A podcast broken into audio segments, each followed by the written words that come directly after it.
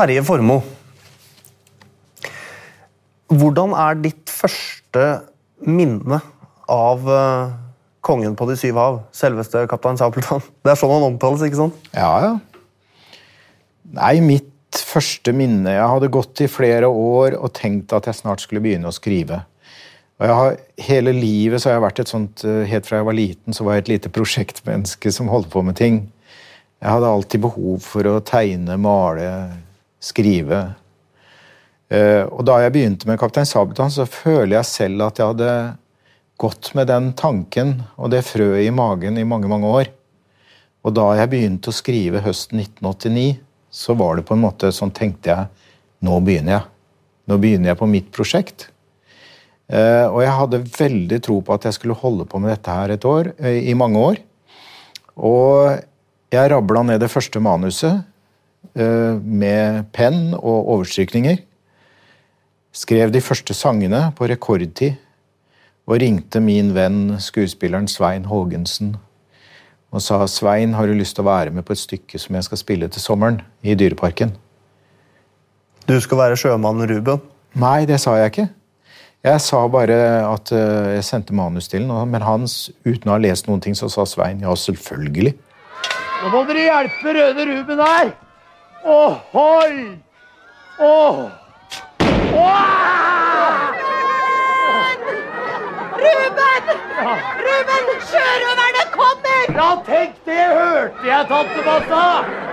Åh! Åh! Nei, nå Ja, kommer! jeg må grave skikkelig dekk. Vi seilte fra Karibien og ankret opp i natt.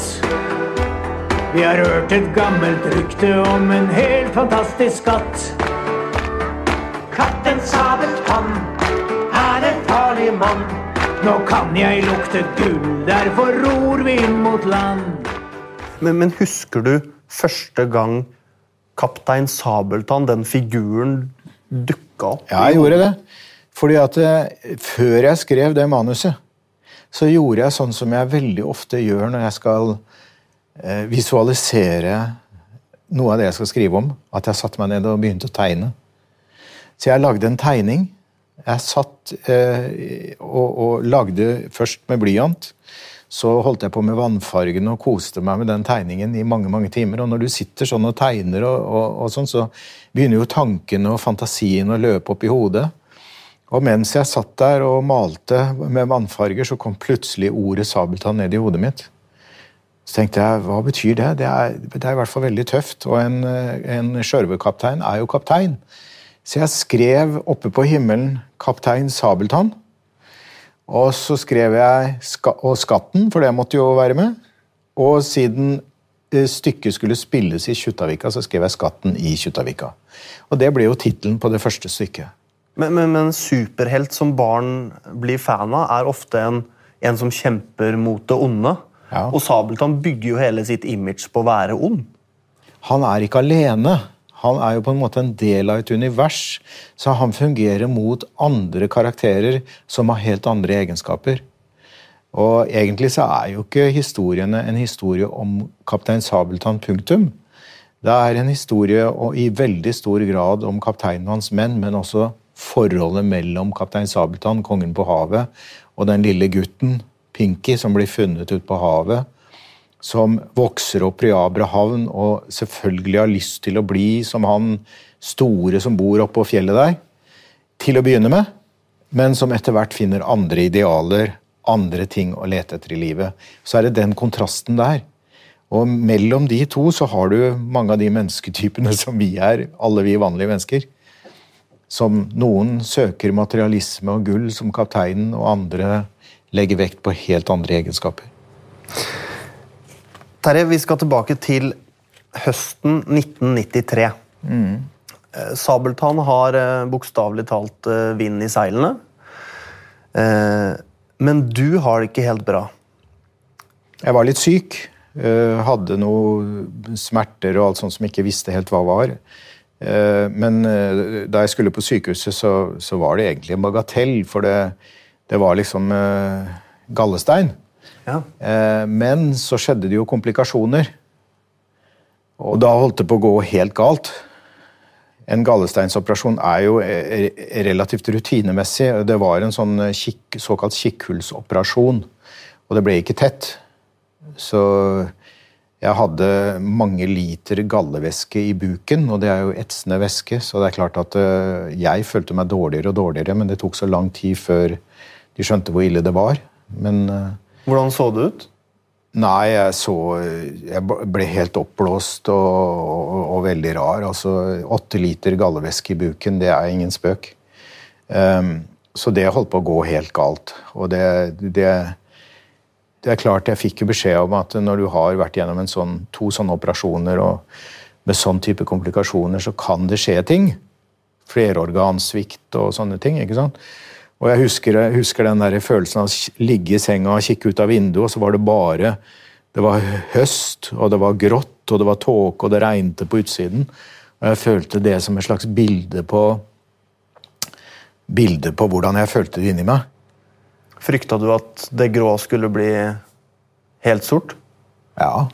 Jeg, jeg, nei, jeg, jeg, var ikke sånn fryktelig redd, men, men jeg, skjønte jo at det kunne gå galt. Og, at du kunne dø? Ja, det er klart det. Jeg, var nok ganske nær, ja. Men den dagen det snudde, så var det solskinn, og det var begynt å bli røde og, og gule trær.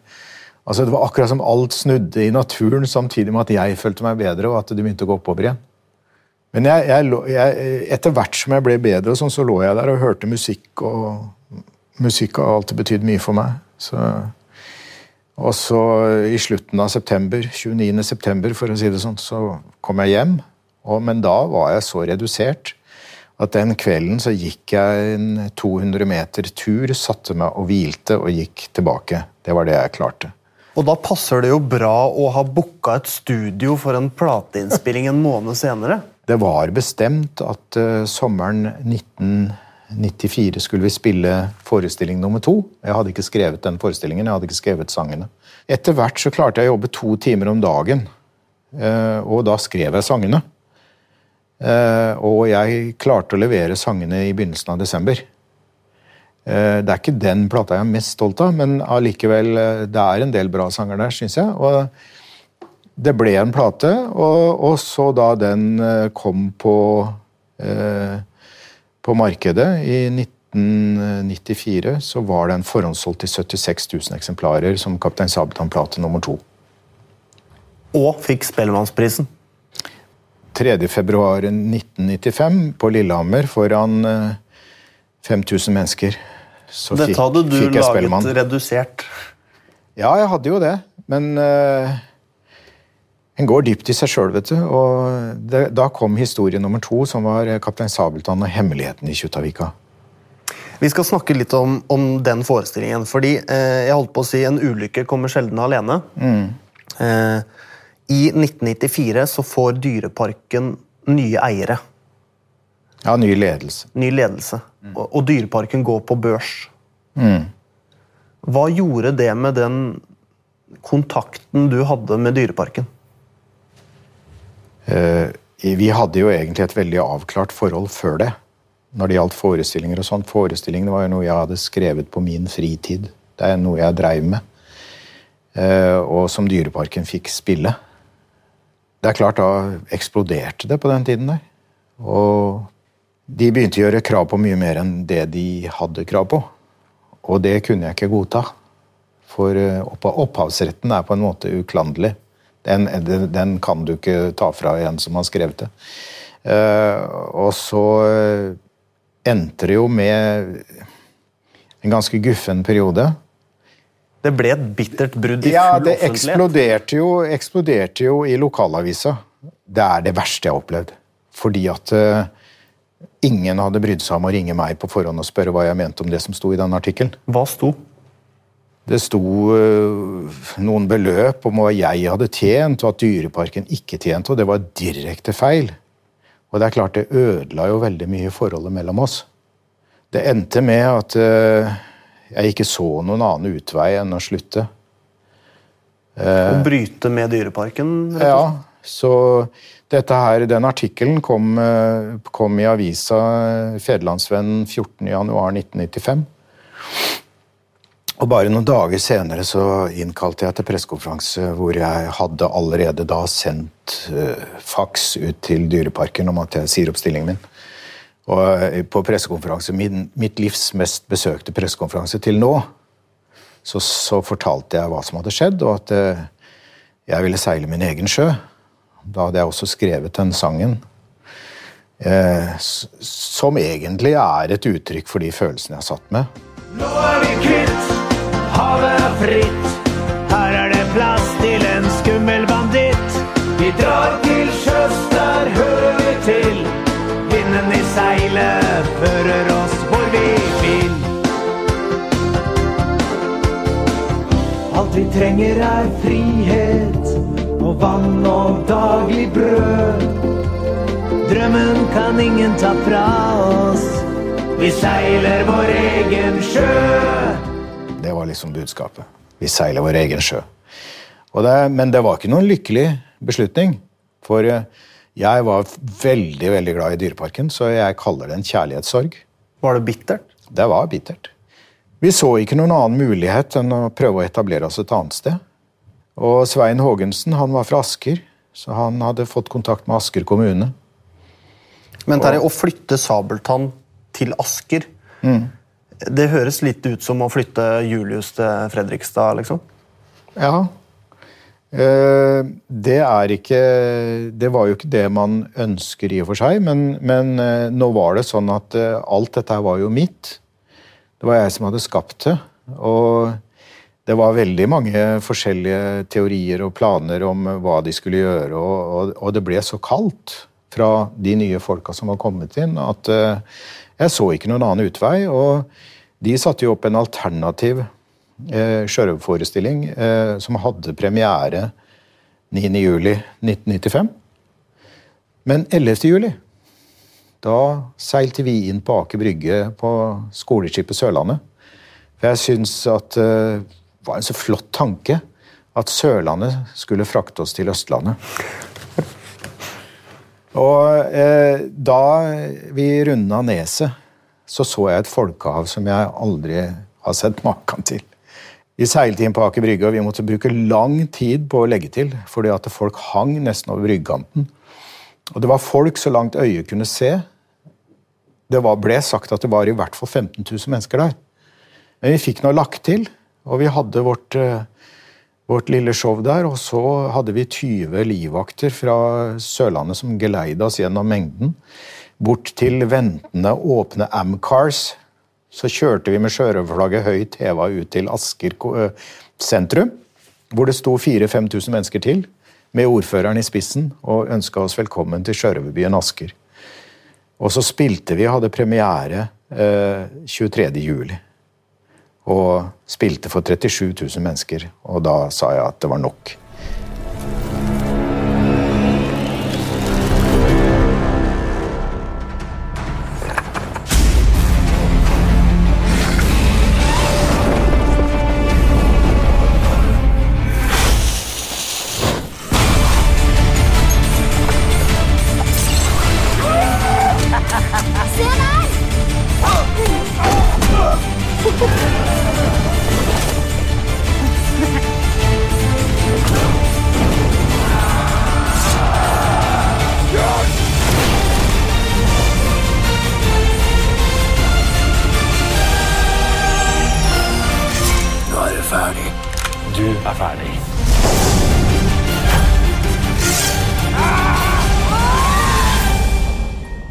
Kaptein Sabeltann og Skatten i Lama Rama.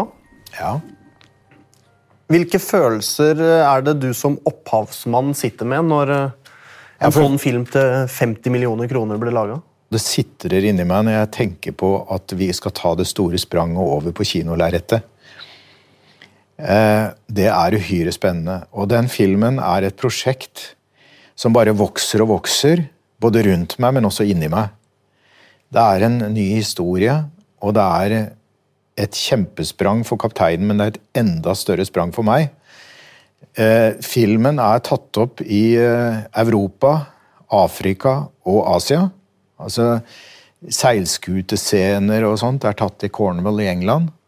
Eh, borgen til kongen av Lama Rama befinner seg i, i eh, Marokko. Og det er åpningsscener i filmen, eksotiske åpningsscener fra Thailand. For 15 år siden så skrev Dagens Næringsliv at uh, Sabeltann kan ha omsatt for en halv milliard kroner. Det er 15 år siden. Kan Sabeltann ha omsatt for eventyriske 1 milliard?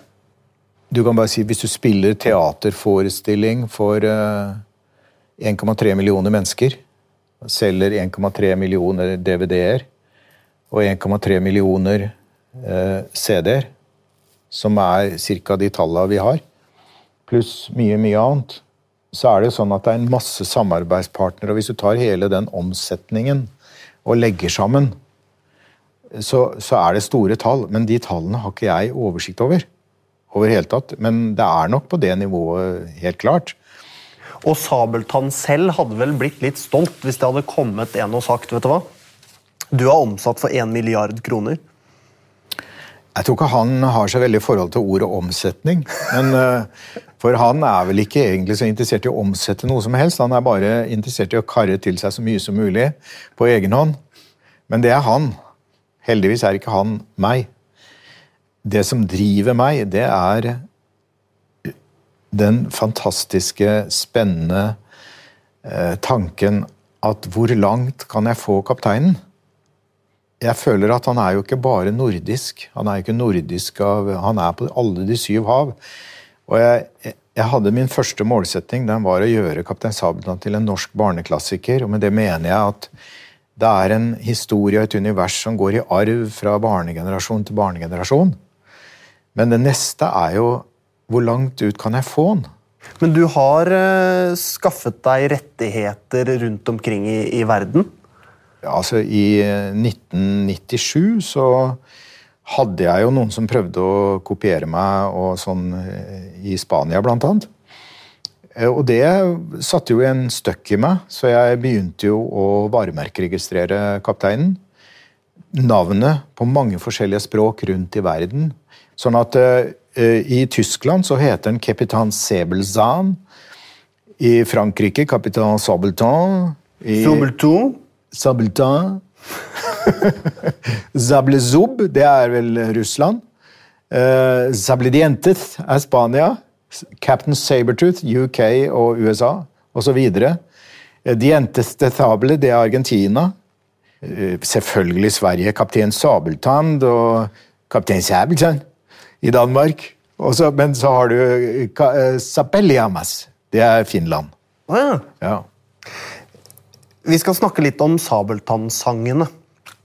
Eh, hva slags musikk er det? Er det pop?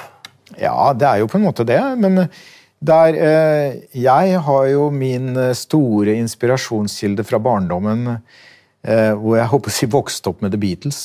Eh, og deres musikalske bredde. F.eks. Pelle og Pysa, så, så, er det mye bluegrass og veldig litt sånn allsangaktige sanger. Kapteinen er jo ofte veldig mye borti rock. Eh, grense mot rock og, og pop.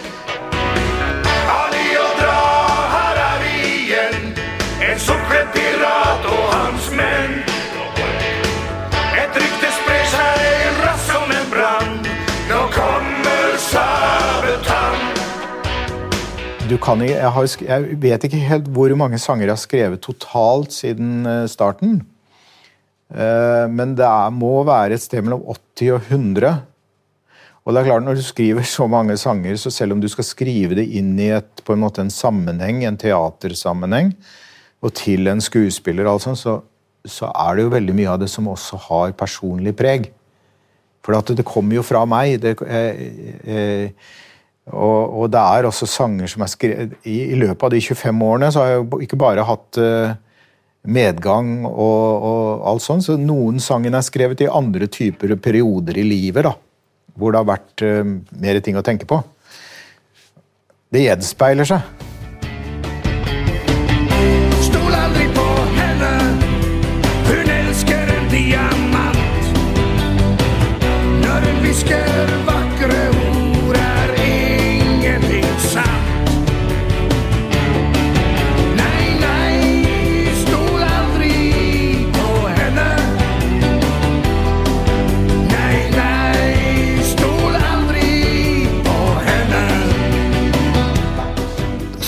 Aldri på henne.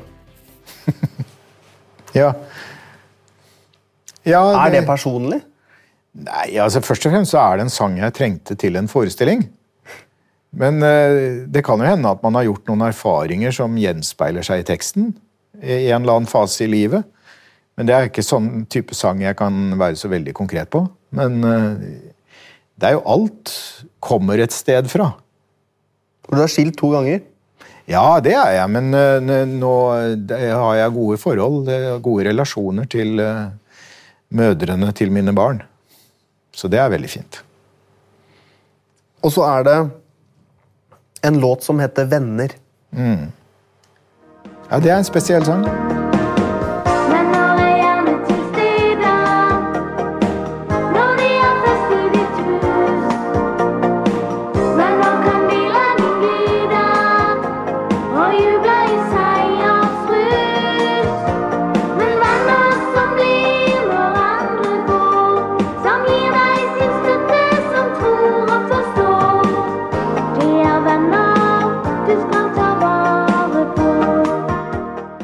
Var nok eh, dattera mi Janne, eh, som jo var 15 år, eh, og som hadde gått gjennom eh, et veldig, eh, veldig vond opplevelse med at en veldig god, fin venninne gikk bort. Eh, det var et stort tap. Og i de følelsene der så skrev jeg en sang til Janne om vennskap. Og det var den. Og det var den, da ble Janne med i forestillingen som vi spilte urfremførte 9.07.1990. Eh, og der sang hun den sangen. Om vennskap. Hennes private sorg i den Ja, sangen. ja hva vennskap betyr, og, og, og litt sånn Litt sånn tanker om hva den venninnen hadde betydd for Janne og alt sånt. Det var en spesiell sang for oss begge to. En annen sang som er spesiell for deg, er Miriams sang. Det er fordi at eh, mellomnavnet til min mamma var Miriam.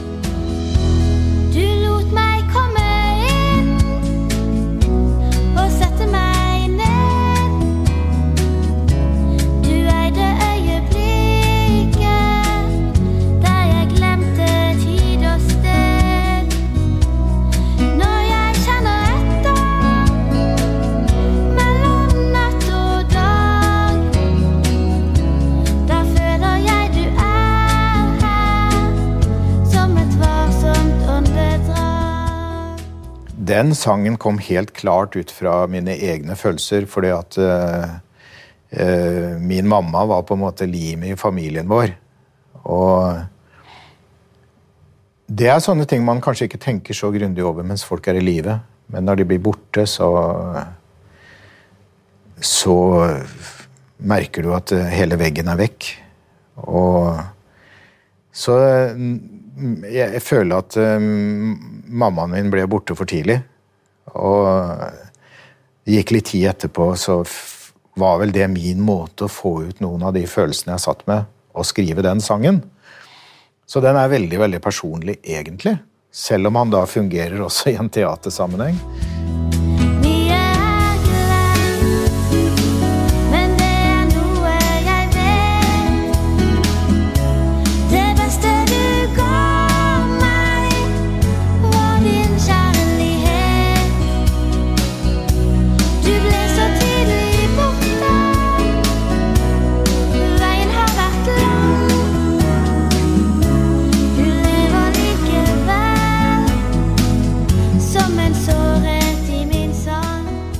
Det er jo sånn jeg føler at uh, Føler jo uh, Selv om hun er borte, så er hun her allikevel. Det er jo så mange ting som minner om uh, Det er ikke bare bilder og sånn, men det er oppi, bilder oppi hodet òg. Det er følelser, det er øyeblikk. Så man føler jo at de som har gått bort, de er jo med deg videre. Og det er jo litt det jeg prøver å uttrykke. Du har fortalt meg at i motsetning til da moren din døde, eh, så fikk du være der da faren din gikk bort. Mm. Hvordan var det? Eh, Det Det er jo ikke alltid man vet når ting skjer, og jeg var ikke der da, da mamma ble borte. En del år senere så tror jeg det betydde Faren min visste det. Det At det var litt sårt for meg. Så jeg en, jeg har en sånn merkelig følelse av at han ville at jeg Han ville vente til jeg kom hjem, på en måte. Han maste veldig på meg at 'hvor er du hen nå? Kommer du snart?' Da det skjedde, men vet jo aldri helt når, så, så satt jeg der alene. Og det er, det, det er litt sånn merkelig, fordi at det, det er sånne øyeblikk eh, som jo er eh, du er trist og vemodig, men eh, samtidig så er det en nærhet som eh, en, en tilstedeværelse som var eh, veldig god. Jeg følte det var oss, og jeg ville ikke ringe på noen klokke. Jeg ville ikke tilkalle noen. Jeg, jeg bare på en måte måtte være til stede i øyeblikket. Og sammen med han. Og så var det fredfullt. Veldig sterkt. Tror du at du kommer til å se foreldrene dine igjen?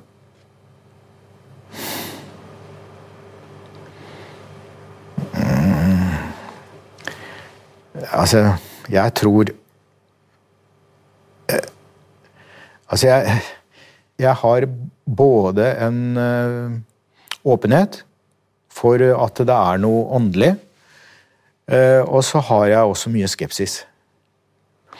Men samtidig så har jeg en sånn slags følelse av at eh, det er noe som eksisterer videre. Det er noe som er nært, og det er noe som er veldig betydningsfullt. Så jeg føler jeg, på en merkelig måte at jeg ofte snakker med foreldrene mine. Men Hvordan da? Nei, oppi hodet mitt. Bare oppi hodet mitt. Fordi at de har vært en så stor, viktig del av, av livet mitt at eh, de slutter jo ikke å eksistere i meg. Du hadde en religiøs barndom. Det hadde jeg jo. Men det prega meg på både godt og vondt. Hvordan da?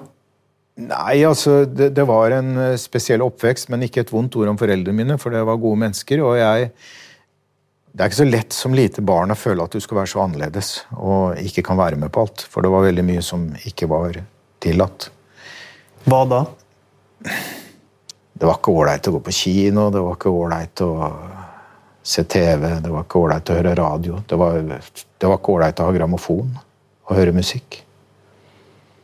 Altså, det, var- det høres veldig veldig spesielt ut. På en måte var det det. Det høres jeg, ekstremt ut. ja, det gjør det. Eh, Men det er lenge siden.